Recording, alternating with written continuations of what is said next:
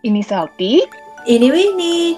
Selamat datang di podcast Recehan Energi Terbarukan.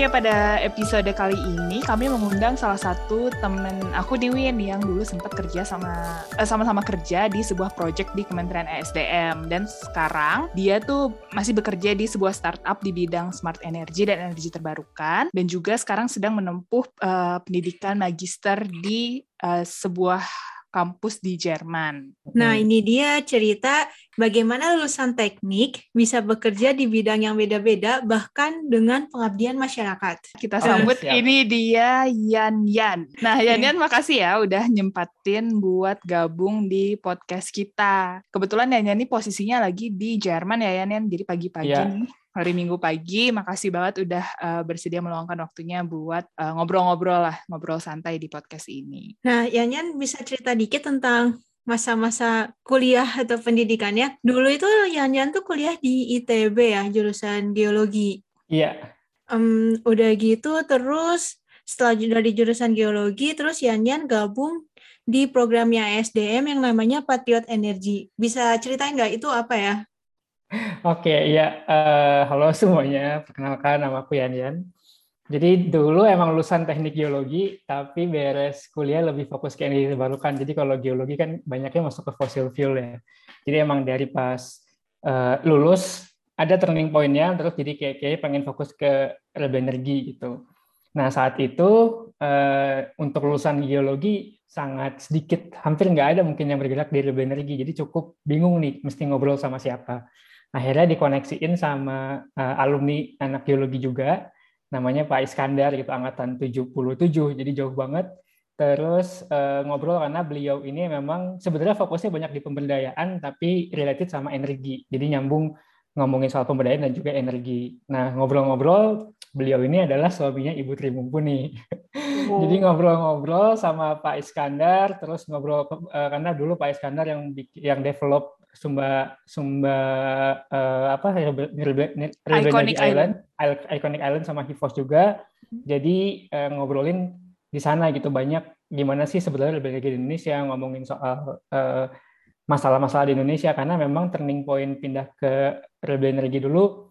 Dulu karena emang ada acara dari kampus ke daerah remote ke daerah Sumba ngelihat kayaknya masih banyak yang butuh energi. Makanya ngobrol sama Pak Iskandar ini Nah ternyata Pak Iskandar ini, aku dulu sebelumnya nggak tahu nggak tahu Ibu Tri Mumpuni, nggak tahu siapa beliau, terus cuma sering dengar.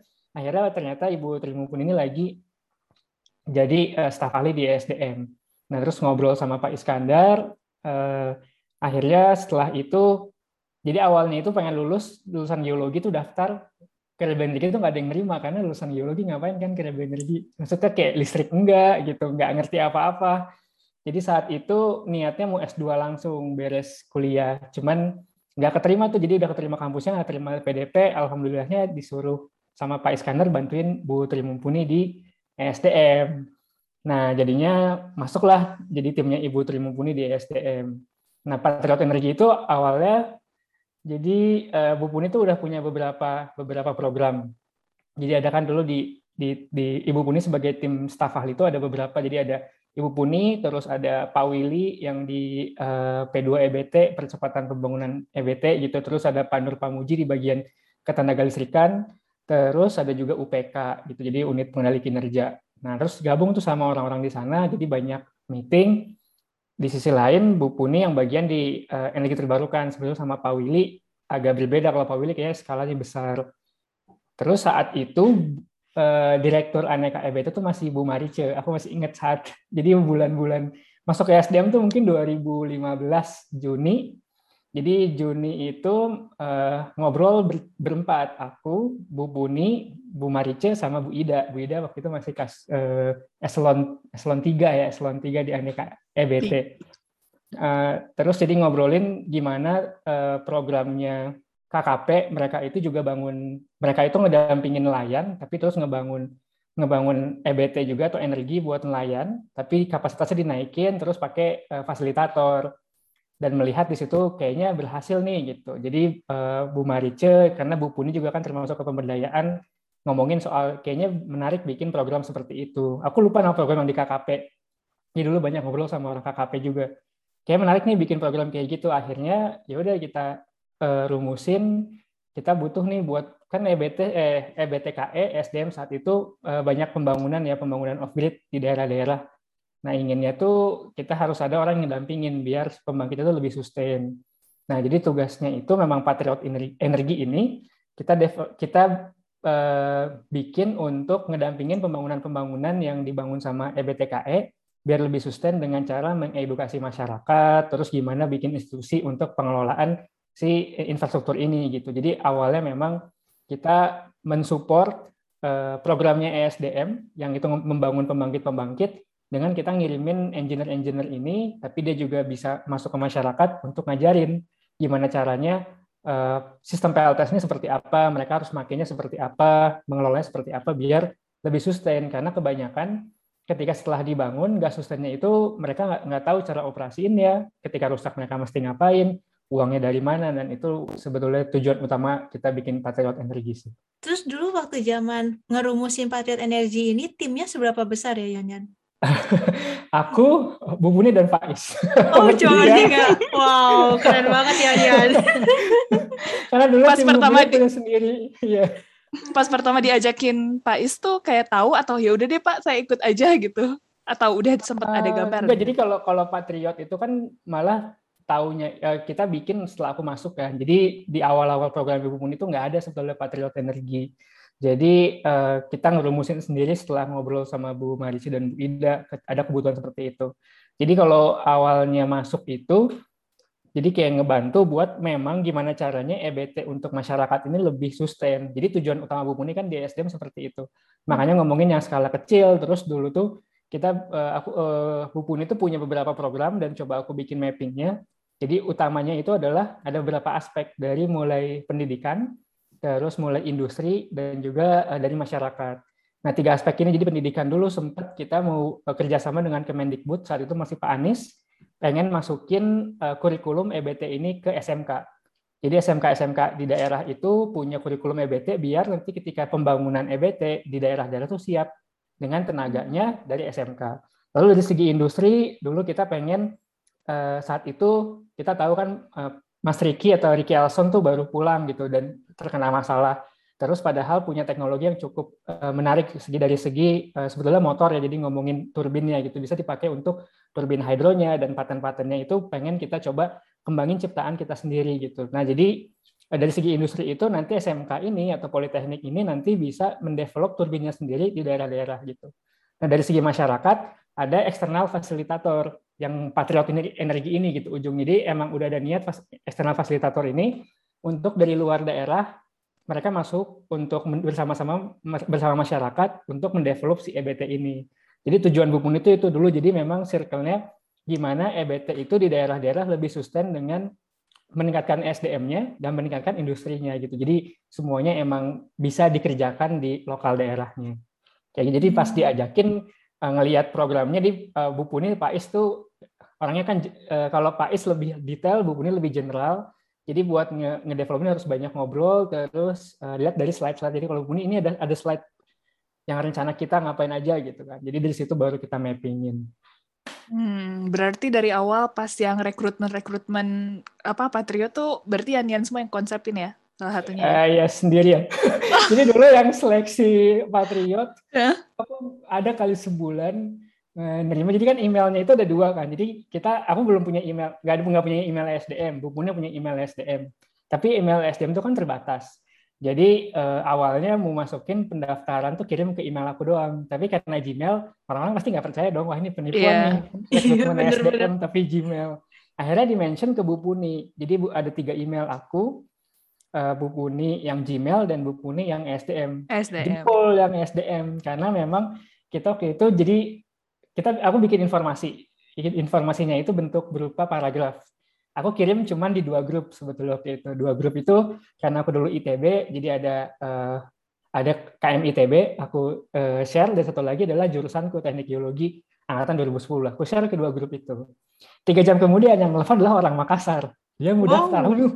Dari mana dia dapat infonya ternyata se, se saat itu kayaknya mungkin orang lagi butuh banget kerjaan secepat itu jadi uh, kita hmm. awalnya butuh cuman sekitar 50 kan. Udah kita coba 50 dulu. Yang daftar sampai 3000 kan akhirnya. Akhirnya wow, yang daftar tiga 3000 uh, terus Bu Puni juga wah banyak banget. Dari situ pertama kali aku ketemu sama Pak Sudirman Said. Jadi rapat aku Pak eh, Pak Sudirman Said, Bu Puni sama Pak Rida Mulyana ngomongin ternyata yang daftar banyak banget nih mesti kita apain. Jadi di situ dinaikin lah kuotanya 100 terus kalau Pak Sudirman Said kan sangat senang ya ada anak muda yang mau terjun. Kayak udah panggil semuanya kita kumpulin di Jakarta nanti kita kasih uh, kita konsepin apa yang mesti dilakukan Pak ini dari seluruh Indonesia nggak mungkin kita datengin semua ke Jakarta. Jadi kesulitan dulu waktu pas masih jadi tim tenaga ahli itu kan kita tahu kalau PNS tuh udah punya uh, kerjaannya masing-masing jadi dulu tuh kita minta ke Pak Rida Mulyana kira-kira ada nggak tim yang bisa bantu untuk kerjaan ini hmm. dan Pak Rida bilang nggak ada nih udah pada penuh kita jadi soal ke direktur-direktur, ke aneka EBT, ke bioenergi, ke panas bumi. Terus ngomongin mungkin nggak ada yang bantuin untuk untuk ngerjain ini, tapi kayak SDM-nya itu selalu bilang kurang di, di, di direkturnya masing-masing, jadi agak susah. Jadi dulu seleksi orang ini ya aku sendiri itu ada sebulan kerjaan cuman bangun tidur, buka CV sampai mau tidur. Terus jadinya wow. bulan Agustus aku kayak gitu beneran nyortir satu-satu CV-nya dan jadinya agak jahat jadi kayak misalnya aku bikin beberapa parameter yang terus kan kita kasih batasan pendaftaran jadi yang udah ada yang udah lewat pendaftaran nggak aku sama sekali cek. Karena udah ini udah banyak banget. Sisanya hmm. yang yang daftar ini aku cek beneran dari CV-nya kan jadi beberapa kita uh, aku Pak Is Bupuni kita bikin beberapa kriteria kriteria itu di uh, jadi kita bikin di Excel sheet aja aku bikin Excel sheet nanti kriteria ini nilainya berapa dengan ngebaca CV-CV itu.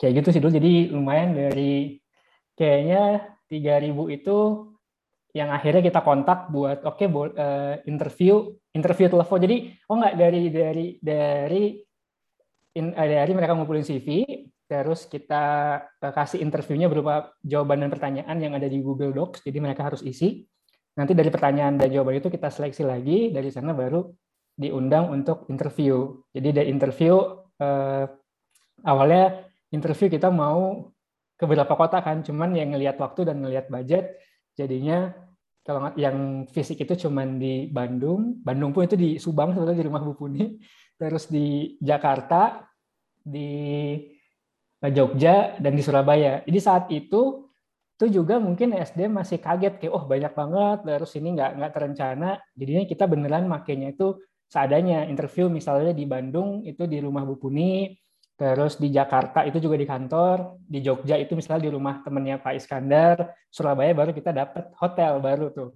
Jadi uh, bisa interview dengan proper. Sisanya yang di luar Jawa kita metodenya online. Gitu sih dulu. Bayangnya inbox emailnya tiba-tiba ada tiga ribu. Langsung jadi ini HR dadakan. Lumayan semuanya mikir, jadi awal semua mikir karena fotoku tuh masih foto yang lama. Entah kenapa orang-orang pertama kali ketemu kayak, lah yang nyeleksi itu masih muda. Jadi semua orang manggil bapak karena ya selamat, selamat siang bapak Yan Yan, selamat Bener. siang kayak pas ketemu lah masih muda karena banyak kan itu aku baru lulus gitu kan. Berarti hmm. buat orang-orang yang udah lima tahun lulus, buat enam lulus nih, nih bocah nih gitu yang nyeleksi gitu. Jadi beberapa yang kayak gitu pas ketemu oh, masih muda ternyata orangnya gitu. Terus uh, akhirnya kan dapat juga nih ya. Sebenarnya itu agak unexpected nggak sih? Dan mungkin awalnya ekspektasinya cuman sekampus kali ya kayak ITB sekitarnya lah ya terus tiba-tiba yeah. jadi seluruh Indonesia Iya awalnya mungkin nggak nggak nyangka seba, bakal sebanyak itu soalnya tuh pertama kan kita udah bilang itu ngomongin soal eh, apa ya jadi banyak dari kriteria adalah ngomongin soal minimal tuh anak teknik. Jadi karena waktu itu kita pengennya anak teknik yang dilatih biar bisa masuk. Karena ribet lagi kalau misalnya kita ngelatih anak sosial buat belajar EBT nah jadi masyarakat ribet. Jadi kita kayak anak teknik terus dia mau ke lapangan gitu kan. Terus kayak bahkan di sana untuk ini kan pertama kali jadi gaji kayak gitu tuh nggak ada gitu kan. Kayak informasinya beneran kayak uh, apa namanya requirementnya terus tugasnya ngapain aja dan berapa lama. Tapi saat itu emang oh, ditulisnya Kementerian pas, SDM gitu. Jadi pas awal tuh belum ada ini ya apa kan sebenarnya ada ada kompensasi lah ya gitu. Jadi pas ada, awal ada Ada Pas awal nyebarin tuh nggak ada. nggak Oh. ada nggak ada. Tapi jadi dibilangnya ada cuman nggak disebutkan maksudnya kayak ada. Terus eh, dan itu tuh berjalan lumayan paralel. Jadi gimana karena awalnya itu kan ini kalau dari segi timeline ngobrol sama Bu Marice Bu Ida tuh sekitar bulan Juni jadi waktu itu bulan puasa tuh Juni Juli dan aku bikin konsep untuk eh, penyebarannya. Di kayak, itu tuh konsep secara detail itu belum sebetulnya. Cuman Bu Puni pengennya udah kita coba nyari dulu aja 50 orang. Awalnya aku nyari teman-teman dulu ada nggak yang mau? Gitu yang pernah program ke daerah remote gitu kan. Nggak ada terus akhirnya wah frustasi juga nih nggak dapet. Akhirnya coba aja lah nyebarin bu saya mau nyebarin WhatsApp ya. Akhirnya dibikin aku bikin paragrafnya Bu Puni yang ACC itu tuh baru setelah Lebaran. Setelah Lebaran tuh uh, sekitar akhir Juli nah setelah akhir Juli itu disebar rame banget. Nah baru Agustus sambil nyeleksi tuh sambil detailin sebetulnya ini program kayak gimana. Adjust budget ke Bu Ida yang kayak gitu. Jadi kayak terkait uh, honor- honorarium juga kayak gimana. Jadi itu baru beneran paralel. Sampai akhirnya awalnya juga dari budgetnya SDM itu aku ingat training nih cuma ada untuk tiga hari tiga sampai empat hari gitu. Kalau Pak SBU ini kan oh nggak mungkin kita ngirim orang training cuma tiga empat hari. Jadi fluktuatifnya banyak sih tuh ngelobi kayak eh, gimana nih harus dari budgetnya kayak gimana nggak mungkin kayak gini kita nggak mungkin ngirimin orang tapi ada eh, Pak SS juga sangat antusias karena banyak yang daftar. Jadi lumayan tuh jadi karena itu pertama lumayan chaosnya adalah dari segi ad- administrasi administrasinya gitu kan. Kita yang mungkin Bu Puni baru di eh, pemerintahan. Jadi kan administrasi birokrasi cukup cukup panjang terus jadi di sana banyak yang eh, sambil jalan gitu sambil jalan ini masuk dari eksternal tapi sambil jalan juga ke SDM-nya seperti apa kayak gitu sih Hmm. Terus pas orang-orangnya udah keterima yang nge-trainingnya dari ESDM atau Yan-Yan malah jadi training Oh enggak, enggak dong. Jadi itu kita bikin kurikulumnya ada dari SDM-nya. Jadi kalau dari SDM itu bagian segi eh, keteknikan. Jadi kalau yang yang pertama itu eh, keteknikannya nggak nggak begitu detail. Jadi yang eh, cuman introduction aja. Dan dulu kita pakai eh, pusdiklat EBTKI di Ciracas. Jadi kalau sampai sekarang masih ingat sama eh, ibunya gitu. Kalau misalnya ke Ciracas itu masih masih deket karena dulu stay mungkin hampir sebulan ya di Pusdiklat Ciracas. Ini nge- ngurusin ini eh, terus jadi di sana diterima terus baru dibawa ke Subang. Di Subang itu ada sebetulnya kayak itu tempat pelatihannya Pak Iskandar dan Bu Puni. Jadi nanti anak-anak itu tinggalnya sama masyarakat. Jadi udah dibiasain di sana tinggal sama masyarakat, baru trainingnya itu semacam eh, kita pakai nyewa tenda peloton buat mereka training, terus trainingnya macam-macam. Jadi trainingnya kita rekrut eksternal gitu.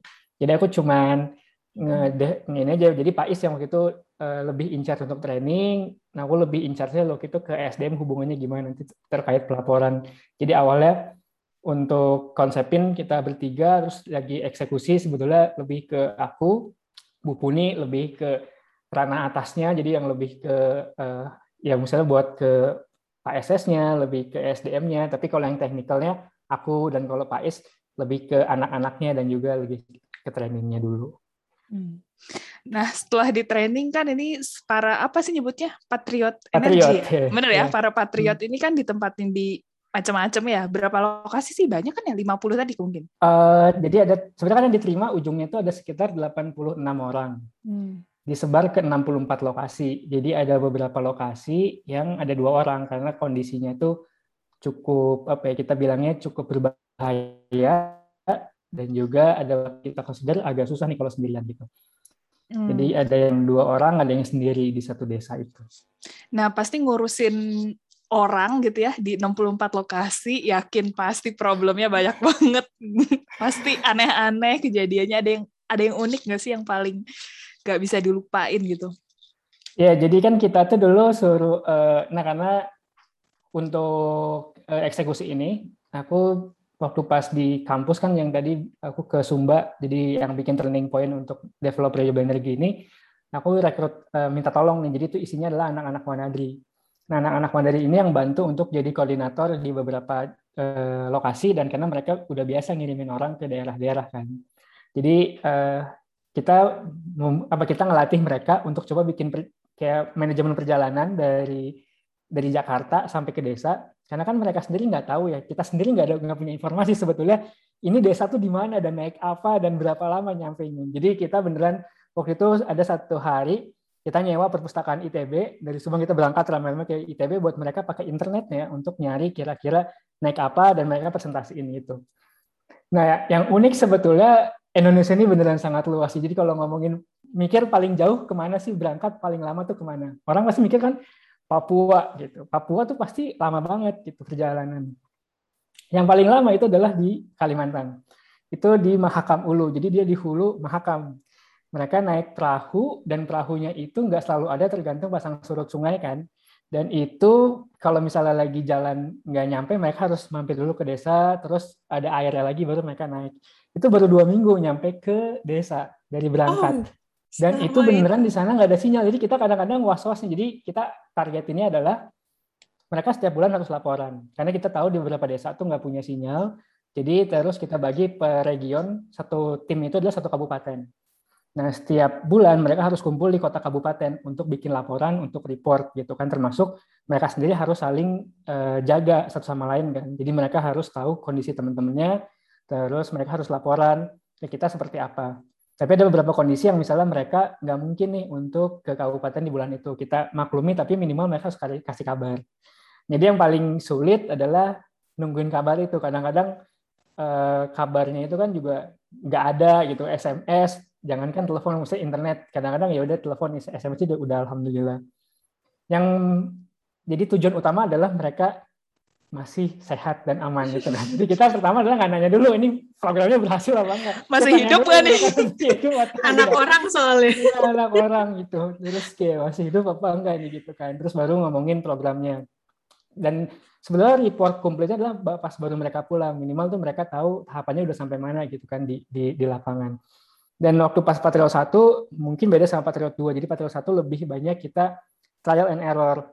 Jadi mereka nyoba dulu sebetulnya tahap pertama kan statusnya desa-desa itu beda-beda. Jadi ada yang konstruksinya belum mulai, ada yang udah selesai, ada yang di tengah-tengah konstruksi dan itu tuh lumayan uh, fluktuatif kan. Jadinya buat kita mereka harus masuk tahap yang mana dulu.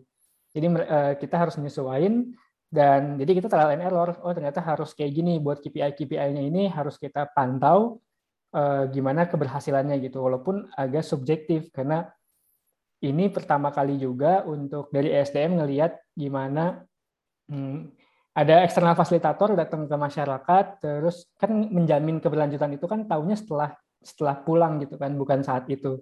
Jadi kita lebih banyak uh, kontrol orangnya dan terus kontrol apa yang sudah dilakukan dan kebutuhannya seperti apa. Itu sih terus yang aneh-aneh lagi pernah ada juga misalnya Eh, mereka lagi mau kan ke desa tuh ada yang macam-macam. Misalnya oh desanya tuh rumahnya jauh-jauh gitu antar rumah jauh-jauh. Akhirnya mereka beli motor. Motor bekas terus buat jalan-jalan. Uh, mereka worth it. Menurut mereka itu lebih worth it dibandingkan mereka harus misalnya bayar bayar masyarakat untuk minta antar gitu kan. Udah beli beli motor aja karena mereka stay di sana kan sekitar enam bulan gitu. Jadi itu lebih masuk. Dan ada yang lagi naik itu jatuh gitu kan kecelakaan. Terus kita tuh harus gimana nih? gitu. Masih aman nggak? Itu kan jadi kayak kayak gitu. Bahkan kalau Patriot 2 itu ada yang kita pulangin. Kenapa? Karena mereka di, eh, salah satu peserta kita dia di Papua terus dia kena malaria dan juga eh, tipes. Di waktu yang bersamaan. Jadinya aku gitu ke sana nyusulin ke Papua dan ngobrol akhirnya yang ngasih pengertian nggak mungkin dilanjutin tahu kenapa-napa kita pulangin. Ada yang kayak gitu. Jadi kalau tim yang Papua tuh kayak mereka hampir semuanya kena malaria sih dan kayak udah gitu.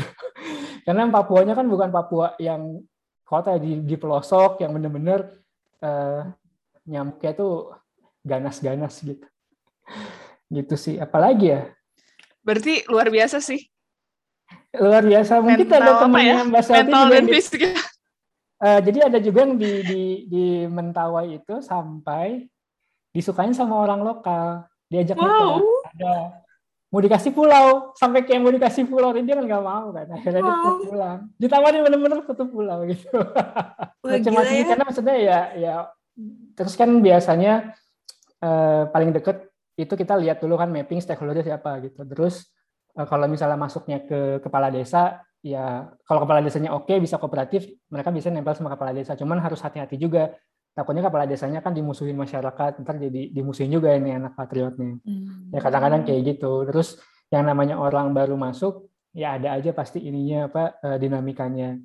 Terus pernah aku memantau waktu itu ke Mentawai kan ke apa namanya cuman lihat gimana kondisinya kita dikasih jatah untuk uh, ngunjungin salah satu patriot kita ke Mentawai terus orangnya kita ke rumah kepala desanya atau rumah tempat dia biasa tinggal. Nggak ada oh lagi mana? Oh lagi nyari makanan tuh di laut. Ya jadi udah jadi warlock aja gitu semuanya. Jadi memang mereka uh, sebetulnya untuk tugasnya tugasnya uh, mereka apa ya ngedampingin masyarakat itu kan mereka harus berbaur. Jadi kadang mereka beneran ikut aktivitasnya. Terus biasanya yang paling unik itu kayak sama kayak Indonesia mengajar ya apa pun kita datang ke masyarakat selalu dianggap tuh paling tahu. Jadi mereka tuh pasti nanya apa pun. Dan kadang-kadang minta tolong buat ya udah jadi ngisi kelas di sekolah ngajar. Jadi kayak kayak gitu tuh ada juga gitu yang akhirnya mereka ngajar juga di sekolah nggak cuman ngedampingin. Misalnya mereka ngobrol sama masyarakat itu kan pas pagi itu biasanya masyarakat ke ladang atau mereka e, bertani atau mereka ke laut gitu. Nah, padahal kan juga bingung mau ngobrol sama siapa. Akhirnya mereka ke ke sekolah ngajar baru beres sekolah mereka nyari ke masyarakat. Jadi ya fluid juga gitu kegiatannya. Terus dengan hidup yang tough kayak gini, peserta apa namanya patriot yang ceweknya lumayan banyak nggak? Atau mayoritas cowok aja? banyak hampir 50-50 ceweknya. Wow, keren ya cewek-ceweknya. Kalau dipikir kayak wah hidupnya tough banget ya gitu. Hmm. Mereka uh, kapok apa enggak ketika ada Patriot 2, sebagian besar mereka mau lanjut lagi, berangkat lagi.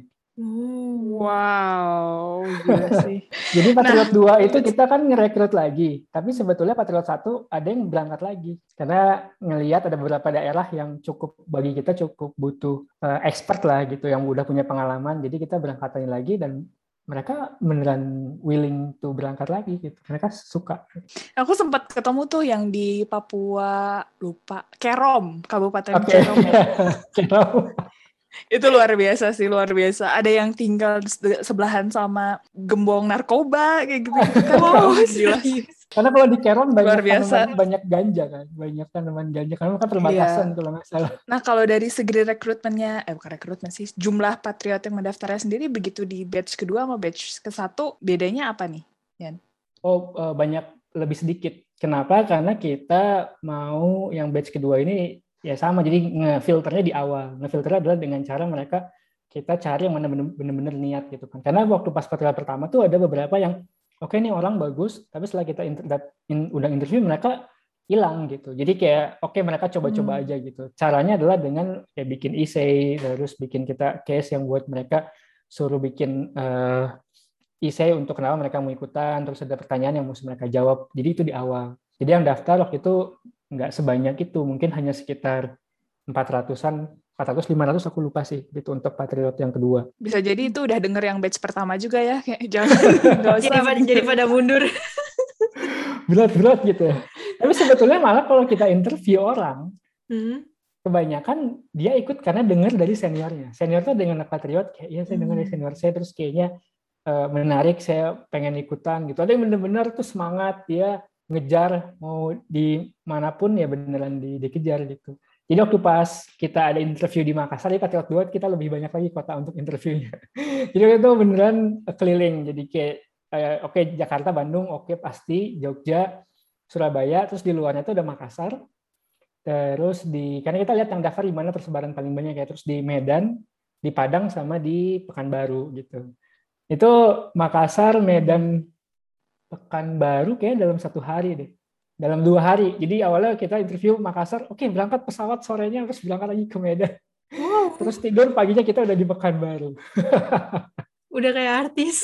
udah kayak artis, udah kayak artis. Terus di Makassar tuh ada Road orang ini, ada orang Tanah Toraja. Jadi dia beneran naik bis dari rumahnya untuk interview ke Makassar gitu.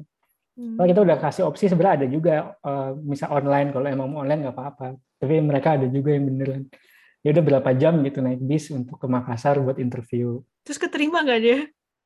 Aku lupa. Udah udah perjuangan. Tapi keren-keren sih bukan itu. Kalau dari dua batch ini Patriot nih kira-kira outputnya tuh tercapai nggak sih An? Atau ada yang merasa kayaknya ada yang masih harus diperbaiki nih dari Patriot? Uh, sebetulnya menurutku tuh kayak ini tuh lagi menuju jadi Patriot satu tuh ke Patriot dua lagi oke okay, ada improvement terus sudah tahu nih mana yang mau di ini. Jadi uh, kalau misalnya udah tercapai atau belum, menurutku masih belum. Jadi ada beberapa yang masih bisa di diimprove dan dievaluasi gitu. Karena memang dari segi kita ngedampingin uh, masyarakat tuh udah oke, okay. anak-anak udah udah punya kemampuannya, udah mereka ada bahkan yang udah udah ngebantu uh, masyarakatnya bikin bumdes gitu. Saat itu kan sebetulnya nggak ada nggak ada arah ke sana. Jadi yang paling jadi fundamental adalah sebetulnya dari segi ngomongin tarif dan juga ngomongin soal manajemen kan. Karena yang itu yang eh, jadi problemnya. Waktu itu kita sendiri masih belum dapat banyak materi terkait dana alokasi khusus gitu kan ya DAK. Kalau nggak salah kan beberapa eh, be, eh, semua infrastruktur itu karena itu nantinya tuh jadinya jadinya asetnya daerah. Jadi dari dari SDM pusat itu bakal di eh, di aset transfer ke daerah. Nanti daerah juga misalnya bisa bisa mengakses dana alokasi khususnya ketika emang nggak ada dana mereka untuk melakukan eh, perbaikan atau apa pun. Nah di situ tuh masih banyak simpang siur yang clearnya tuh masih belum belum bisa semua anak patriot tuh uh, ngeling itu. Jadi beberapa orang udah ada yang bisa karena banyak ngobrol sama Pak Ezrom saat itu. Jadi gimana terus ketika bumdesnya ini mau dibangun buat ngedevelop apa yang mereka lakukan gitu. Jadi yang sebenarnya belum tercapai adalah menurutku kalau misalnya kita dari segi ngomong sustainability gitu ya. Sustainability itu kan uh, si pembangkit ini lebih sustain sustain itu artinya dari manajemen, dari teknikal, dan juga dari ekonominya kan. Jadi kalau misal dari teknikal, di situ masyarakat sebetulnya udah tahu yang hal-hal yang kecil. Dan kalau hal-hal yang besar, mereka minimal tahu mesti ngontek siapa. Tapi kalau dari segi manajemen dan juga ekonominya, itu masih belum masuk gitu. Karena manajemennya sendiri kan buat ngelatih itu mereka minimal tahu cara ini barang tuh secara bisnis gimana gitu kan. Walaupun dibilangnya punya masyarakat, yang namanya sustain itu kan minimal mereka harus ada uang operasionalnya. Dan waktu itu tuh harga-harga yang dimasukkan harga tarif per bulan, karena waktu itu kan bukan pakai tarif per KWH ya, kalau sistemnya dari ESDM itu tarifnya itu kan pakai energi limiter. Jadi sehari itu cuma sekitar 300 watt hour ya, 300 watt hour. Terus eh, mereka bayarnya itu per bulan. Nah, harganya itu kesepakatan dari kemampuan masyarakat. Jadi nggak ada tuh memperkirakan sebetulnya kebutuhan operasional dari pembangkit ini berapa nggak ada. Tapi masyarakat tuh e, mampunya tuh maunya bayar berapa. Jadi knowledge soal sebetulnya pembangkit ini tuh masuk secara ekonomi itu berapa, masyarakat mampunya berapa, di situ kan baru ketemunya gimana gitu kan.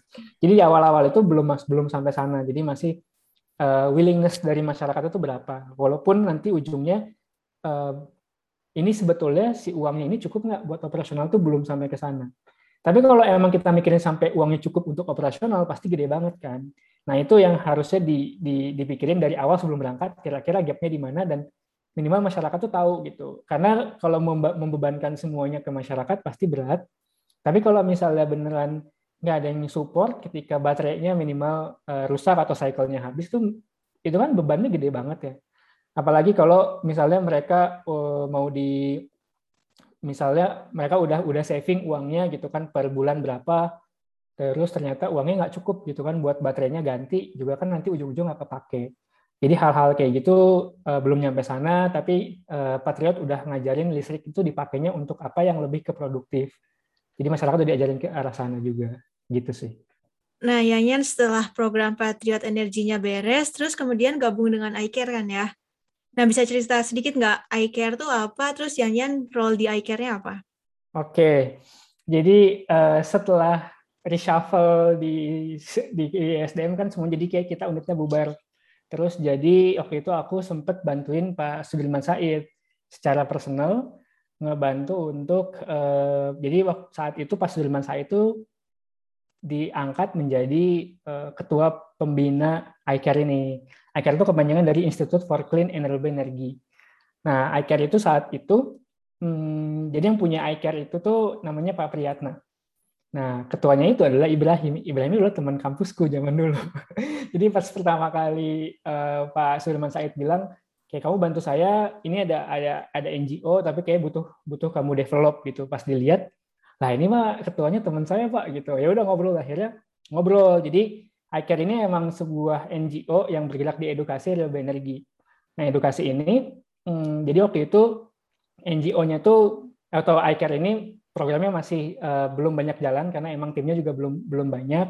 Terus akhirnya uh, Pak Sudirman Said minta coba kamu lihat iCare ini coba develop dan bikin planning program presentasiin ke saya gitu kan. Akhirnya aku lihat sebenarnya apa sih iCare uh, visi misinya apa berarti di breakdown lagi uh, tujuannya kita bikin programnya lagi gitu. Jadi dibikin program dan kebutuhan orang kayak gimana. Di waktu itu uh, iCare ini aku bantu sebagai ketua, wakil ketua. Jadi ketuanya itu Ibrahim. Terus kita uh, presentasi ke Pak SS kebutuhannya seperti apa, kita mau bikin program seperti apa, tujuannya kayak gimana dan kita butuh uang berapa gitu kan untuk develop ini dan butuh orang kayak gimana. Jadi dulu tuh waktu zaman di SDM ada namanya IOI Free. Mungkin Mbak Selti tahu nggak sih IOI Free? Indonesia Youth Forum for Renewable Energy. Itu zaman dulu tuh uh, entah oh, siapa yang tahu, bangun. Tahu, tahu. Itu kayaknya Parida nggak sih? Ada orangnya, ada orangnya Parida, tapi orangnya eksternal, cewek ketuanya tuh. Aku lupa namanya. Nah, waktu pas di EBTKI Connect, aku tuh sempet lihat orang-orang ini kayak aktif ngobrol, kayak menarik nih masuk masuk forum gini karena anak muda di energi saat itu belum terlalu banyak dan masih tersebar. Aku ingat banget tuh. Tapi pas sudah dari SDM tuh nih organisasi udah nggak aktif lagi, udah bubar karena kalau nggak salah eh, yang emang developnya itu dia backgroundnya politik. Jadi ketika emang itu nggak saat itu udah beres dari Pak SS, Pak Rida nggak nggak ada lagi support dari SDM, mereka ya udah beneran nggak jalan lagi. Nah di situ sebetulnya eh, fokus utama dari iCare ini adalah kita tuh pengen si energi ini tuh lebih lebih mengedukasi masyarakat dengan mengumpulkan orang-orang yang emang dia emang punya punya ilmu, punya minat di energi terbarukan tuh bisa sharing gitu. Karena saat itu aku ingat banyak banget teman-teman yang kuliah S2 di luar, dia punya banyak ilmu renewable energi, tapi mungkin kerjanya nggak di renewable energi karena memang saat itu nggak banyak juga lowongan di renewable energi. Tapi mereka sebetulnya punya kapabilitas untuk sharing. Jadi di situ edukasinya eh, kita bikinnya awalnya buat anak muda untuk anak muda. Jadi kita bikin program tujuannya utama adalah untuk edukasi. Jadi programnya itu adalah edukasi, eh, terus pelatihan, publikasi dan juga project. Berapa lama ya Yanyan dulu di iCare? Di iCare jadi semacam pergi dan kembali lagi. Aku di iCare itu 2017 bulan Maret. Terus tapi bulan Agustus jadi kan itu uh, saat itu PSS itu di bulan-bulan Juli Agustus itu mau nyalon jadi gubernur gubernur Jateng. Dan uh, aku kan masih jadi jadi jadi apa jadi asistennya PSS hitungannya. Jadi develop jadi itu kerja bareng PSS dan juga bareng iCare tapi di, di satu sisi aku lebih pengen fokus ke renewable energi karena misalnya takutnya eh, takutnya kepecah dan saat itu ada uh, opportunity buat aku gabung sama konsultan ngerjain project di Sumba terkait renewable energi. Jadi waktu pas bulan Agustus aku uh, keluar, jadi aku masuk ke konsultan tapi nyambil ngebantuin iCare. Jadi iCare jadi sambilan tetap gitu. Hmm. Jadi dari Juli terus balik lagi ke iCare tuh 2018 pertengahan. Jadi di konsultan cuma setahun sampai akhirnya sebelum pandemi, sebelum uh, pandemi kan. Jadi pandemi itu kita juga kena kena uh, dampaknya jadi ya uh, kan kita kan limited banget dananya. Kita lah waktu itu dananya dari resource-nya datang dari hmm, perusahaan IPP juga, tapi saat itu perusahaan IPP-nya juga kena crash dari uh, COVID, jadinya kita udah nggak ada kegiatan lagi sih di akhir. Gimana? Tadi kan sempat kerja konsultan ya. Sebenarnya gimana nih kesannya kalau dibandingin kerja konsultan, project sama iCare tuh jemputnya apa ya? NGO, NGO. kali ya? Uh, iya, iya. Uh, sebenarnya di konsultan juga ngerjainnya hampir sama apa yang aku kerjain di SDM ya. Jadi ngerjain untuk off grid. Jadi emang dari pas lulus tuh pengen fokusnya buat uh, energi yang di remote area. Bedanya beda pendekatan. Jadi kalau misalnya aku ngelihat nih ya dari government, dari konsultan dan dari NGO, itu semua misalnya punya tujuan yang sama. Tapi approach yang beda. Menariknya di situ aku ngelihat gimana government itu approach-nya lebih ke oke okay, punya budget, dia punya policy, terus mereka coba deliver. Tapi untuk segi ke praktikal sebenarnya government nggak punya kapabilitas sampai sana. Jadi biasanya kalau dilihat, kalau aku lihat tuh high high apa ya hitungannya di high class atau misalnya di di atas banget gitu, masih yang general banget gitu. Kalau government tuh sampai sana. Nah jadi eh, ketika government berperilaku sendirian itu missing eh, missing partnya tuh banyak gitu. Karena mereka oke okay, udah polusinya bisa uh, mereka bisa bangun ada dananya tapi pas technical nggak bisa gitu kan. Beda sama NGO NGO itu malah resource-nya nggak ada tapi technical partnya oke. Okay. jadi kayak misalnya mereka nggak punya uh, fundingnya susah, tapi orang-orangnya tuh mereka willing buat gerak, terus mereka uh, bagus dari segi pelaksanaannya, karena memang biasanya mereka passionate terhadap itu, tapi dari segi fundnya tuh susah gitu, jarang. Nah kalau dari konsultan aku waktu itu ngerjain hitungannya kayak private ya. Nah yang private ini tuh ngegabungin, yang itu yang menariknya. Aku kerjain dulu di Sumba adalah itu MCA. MCA itu kan dana hibah. Tapi yang harus ikutan itu adalah private. Jadi ngegabungin gimana hibah ini ngebantu untuk capex, tapi untuk opex-nya, untuk opex itu harus tetap komersial dari private. Makanya mereka harus tetap ngitung bisnisnya, mereka harus tetap ngitung secara sustainnya gimana, karena mereka punya risk bisnis di sana. Jadi nggak bisa cuma bangun ninggalin, enggak. Mereka harus bisa ngedampingin dan juga bisa taking profit karena mereka hidupnya juga dari sana. Jadi di sana sih approach itu uh, berbeda satu kalau misalnya government deliver deliverable-nya adalah terbangun. Aku lihat ya, selesai. kalau misalnya NGO deliverable-nya adalah output sama uh, sampai ke hilirnya, jadi ke masyarakatnya gitu. Nah, kalau yang kemarin aku di konsultan itu uh, deliverable-nya lebih ke profitnya secara perusahaannya.